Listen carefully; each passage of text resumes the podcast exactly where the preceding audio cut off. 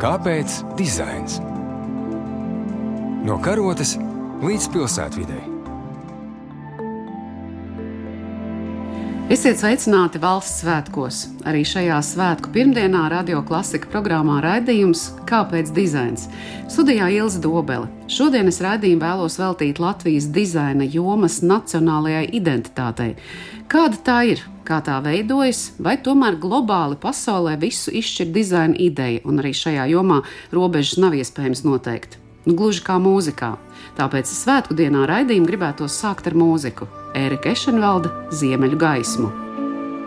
Mūzika nenoliedzami ir daļa no nācijas identitātes, bet par tādu kļūst arī citas, par tautu vēstošas nozares, nodarbošanās un citas radošās izpausmes. Bet kāda ir Latvijas dizaina jomas nacionālā identitāte? Par to runāsim šajā raidījumā. Tāpēc studijā esmu aicinājis Latvijas Mākslas akadēmijas dizaina nodaļas profesori, dizaina vizionāri Barbaru Ābeli un dizaina biroja HDV dizaineru un arī Latvijas Mākslas akadēmijas profesoru Ingūnu Elleri. Jūs abas esat cieši saistītas ar dizaina nozari Latvijā, sekojot tās attīstībai un esat arī Mākslas akadēmijas mācības spēki, izglītojot topošos dizainerus. Un identitāte veidojas ilgākā laika posmā. Kas ir tie komponenti, kas veido mūsu Latvijas dizaina identitāti? Mūsu dizains ir tāds, kāda esam mēs paši, un šo dizainu veido ļoti daudz komponenti. Tā ir vieta, kurā mēs esam auguši, vēsture, geogrāfija, geoloģija, temperatūra, saules krišanas leņķis un garās ēnas, krāsu izjūta, kas mums ir šeit veidojusies. Un tas viss, ko mēs lietojam, lai veidotu dažne dažādas dizaina idejas. Vai tās ir lietas, vai tie ir procesi, vai tā ir telpa, vai priekšmeti, vai vīzijas. Un uh, tas dizains, kas top, var tapt tikai tāds šeit, ar šo mūsu visu gan vēsturisko pieredzi, gan politisko, gan emocionālo pieredzi. Un tā ir tā mūsu identitāte un unikalitāte. Ar to mēs atšķiramies no citiem. Mums ir ļoti laba, manuprāt, izglītības skola jau no pagājušā gadsimta sākuma, kas ir Rīgas dizaina un mākslas vidusskola ar turpinājumu Latvijas Mākslas akadēmijas dizaina nodaļā, kur savukārt top šī nākotnes dizaina identitāte. Tas ir tas, kas mums arī atšķir no pārējiem. Īstā identitāte tieši tā, kas veidojas no, no šīm iepriekš nosauktajām nacionālajām komponentēm, dizaina identitāte saistīsies ar formas valodu, jau visiem pierasto nepieciešamo funkcionalitāti, bet tāpat laikā mēs visi atrodamies pilnīgi jaunā laikmetā. Mūs šobrīd eh, visus aizrauja digitālā revolūcija, un tā ir eh, atšķirīga no iepriekšējās industriālās. Un šī digitālā situācija mums paver milzīgas iespējas, jo mēs paši kļūstam par dizaineriem, par situācijas noteicējiem. Bet tas, ko jūs minējāt par mūsu pašu identitāti, kas, protams, veidojas no mūsu atrašanās vietas uz zemeslodes un visu pārējo arī gaumi, vēsturisko izjūtu, krāsu izjūtu un visu pārējo, tāpat laikā nu, mēs neesam atrauti no pārējās pasaules, vai mēs tiešām arī izmantojam šos savus resursus kā šo daļu no savas nacionālās arī dizaina identitātes, vai tomēr esam jau tik ļoti aplipuši ar visu pārējo, ka nemaz to nenoformulējam kā savu. Manuprāt, tieši tas ir mūsu spēks, jo tas viss iepriekš minētais, ko es saucu, veido mūsu vizuālo valodu, nevis stilu, bet valodu. Un šī valoda veido jebkuru darbu, ko dara šeit Latvijas dizaineri. Un ar to mēs arī izceļamies pasaulē. Es varētu minēt mūsu alūksnes bānīšu stacijas piemēru, kurš eh, tieši Amerikā ieguva atzinību un eh, profesionāļu uzslavas par to, ka mēs esam savādāki, bet ar ļoti spēcīgu un vienotu vizuālo valodu. Un eh, loģiski, ka mūsu vizuālā valoda atšķiras no valodas Amerikā, kādu lieto vai Nīderlandē un tam līdzīgi.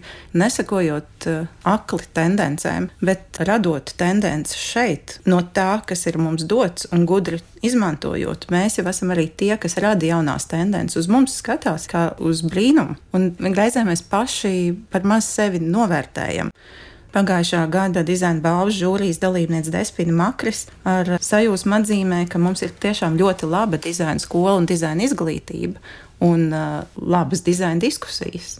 Kur mēs vēl redzam šos dizaina risinājumus, kas raksturo mūsu um, dizainu, šo nacionālo identitāti, ja mēs tomēr pie tā paliekam. Tā tad viens ir tādi mm, arī ekspozīcijas dizaina izvēlētie varianti, pie kā jūs esat daudz strādājuši. Birojā Inga un Barbara varbūt vēl katra kādu piemēru. Tie ir darbi, ko mēs darām, kā dizaineri, un tas atspoguļojas kaut vai pilsētu zīmolos un identitātēs. Mums ir divi piemēri, divas pilsētas, eh, Liepāja un Alūksne. Katra ir savādāka, arī pēc būtības, un viņu identitāti arī mēs radījām atšķirīgu. Bet kāpēc? Un kāds ir konteksts? Liepājā ir pie jūras, tajā ir vējš nepārtraukti, līdz ar to identitāte ar šo vēja nopūsto punktiņu ir radīta tieši šai vietai Un šīm stāstam viņa nevar rasties citur. Un tāpat arī alūksne, kurā jaunajā alūksnes nosaukumā spoguļojas senais alūksnes nosaukums un vārds. Jo tas arī veido to patieso identitāti, nevis kopijas. Nevienam nav cieņa pret kopijām, kā piemēram plaši izmantotais Miltona Glēzera radītais I Love uh, New York simbols ar sirsniņu. Kad mēs redzam to kopētu, nevienam nav cieņa, jo šis simbols, šī sirds ir radīta tieši Ņujorkai konkrētā ekonomiskā situācijā, kur viņam tika lūgts radīt un izstrādāt šo simbolu. Es labprāt izmantotu iespēju, lai runātu par pavisam jaunām izpausmēm, kas pārsvarā neasociējas ar dizainu. Un tie ir dažādi sociāli risinājumi vai sociālu saziņas veidu dizainēšana. Mēs, kas esam skaitliski tāda maza tauta, mēs varētu dizainēt labākas šīs sociālās formulas. Mēs varētu kā sociālas grupas vienotrai vairāk palīdzēt. Piemēram, šķirklis, kāds ir noticis sakarā ar tehnoloģiju attīstību, ne tikai Latvijā, pasaulē ir um, savā veidā izstūmis no saziņas lielu skaitu cilvēku kuri nav tehnoloģiju lietotāji. Digitālā televīzija ir ienākusi latviešu mājā. Cik daudz mēs zinām par cilvēkiem un senioru cilvēkiem, tiem pārbaudījumiem un sarežģījumiem, kā viņi izgāja cauri, uzsākot lietot šīs divas pultes, dekoderus un visu pārējo. Un kur būtu šī palīdzība? Šī palīdzība būtu tajā, ka vispirms būtu jādizainē šī situācija šim lietotājam. Jo dizains ir tas, kas vispirms domā par to, kas lietos viņu, nevis par sev gūstamo momentālo peļņu. Tas nozīmē, ka šī jaunā pieredze lietotājiem būtu bijusi pilnīgi citādāka, ja tā būtu apzināti veidot, izpētīt un piemērot. Tieši tā. Tie cilvēki iepriekš būtu sagatavoti tam. Tāpat mēs esam savā veidā lieli šmuļi. Mēs neesam iemācījušies tik galā ar saviem atkritumiem. Un tā ir tāpat viena no globālajām tēmām. Un dizainēt šo procesu, izglītot cilvēkus, kā to darīt, padarīt viņus līdzdalīgus, izglītot viņus informācijā par to, kādu pēdu viņi atstāja uz zemeslodes, un arī par to, ko viņi varētu vienkārši līdzdarbojoties izdarīt labāk.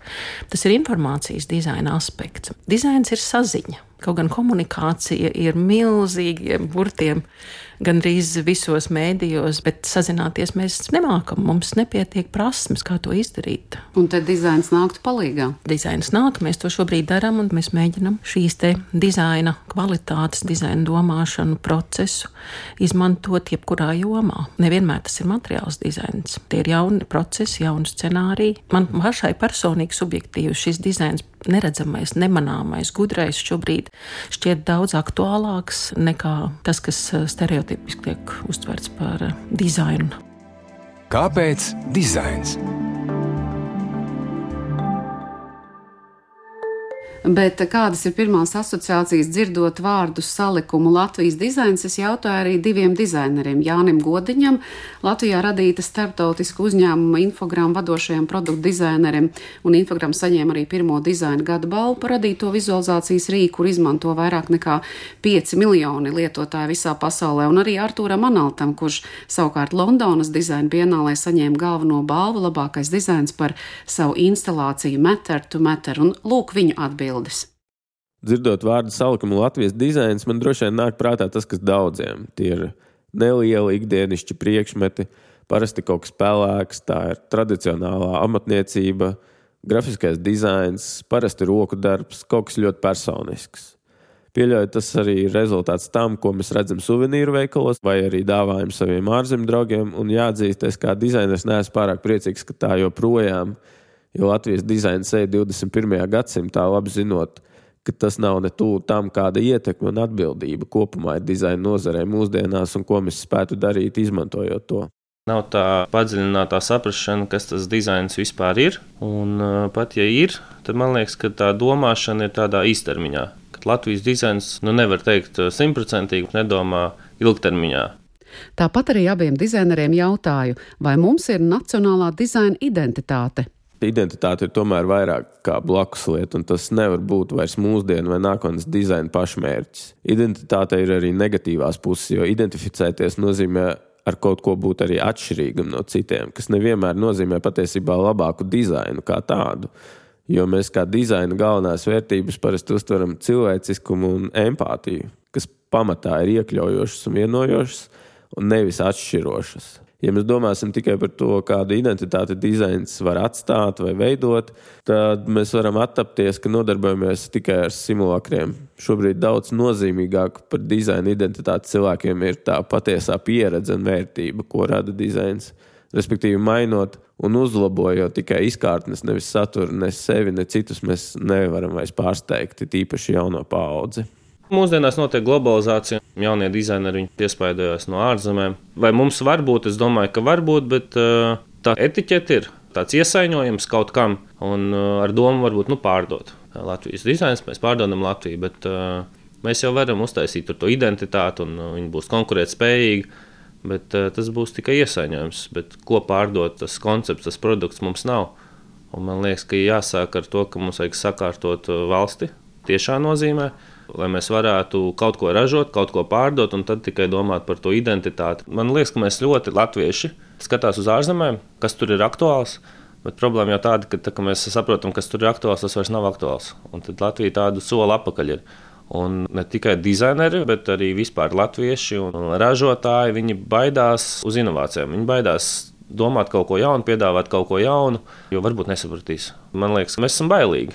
Dānija, Nīderlanda, tas, kā tur attīstās, kā tur tā domāšana ir, uh, gan infrastruktūra, kas ir uh, ceļi un veloceļi, gan arī kaut vai ēdienu kultūra. Tagad Dānija ir viena no top pilsētām, top valstīm, kur ir aizbraukt paēst, kur ir um, vairāk Michelin restorānu un viss tā kultūra par Nordiku, par savējo vietējo, un uh, cilvēki to saprot. Viņi parāda, ka no meža veltēm var uztaisīt kaut ko, kas varbūt pasaulē iepriekš tur varbūt nav salicis kopā, ne? Tur ir pēdienu runājumi. Tad latvieši tomēr kaut kā bailīgi. Tagad mēs skatāmies uz Dāniju, mēs mēģinām līdzīgu taisīt. Ne? Bet man liekas, mēs varam būt soli priekšā. Tas pats arī tur kaimiņi, Igauni. Viņi IT aizgāja. Viņi saprot, ka IT ir nākotne un viņi investē un attīst to. Mēs arī tagad saprotam, mēs arī mēģinām, bet nu, mēs jau atpaliekam. Mēs nedomājam, kas būs tas nākamais, ko vēl varbūt neviens nav nezinu, investējis vai aizsācis.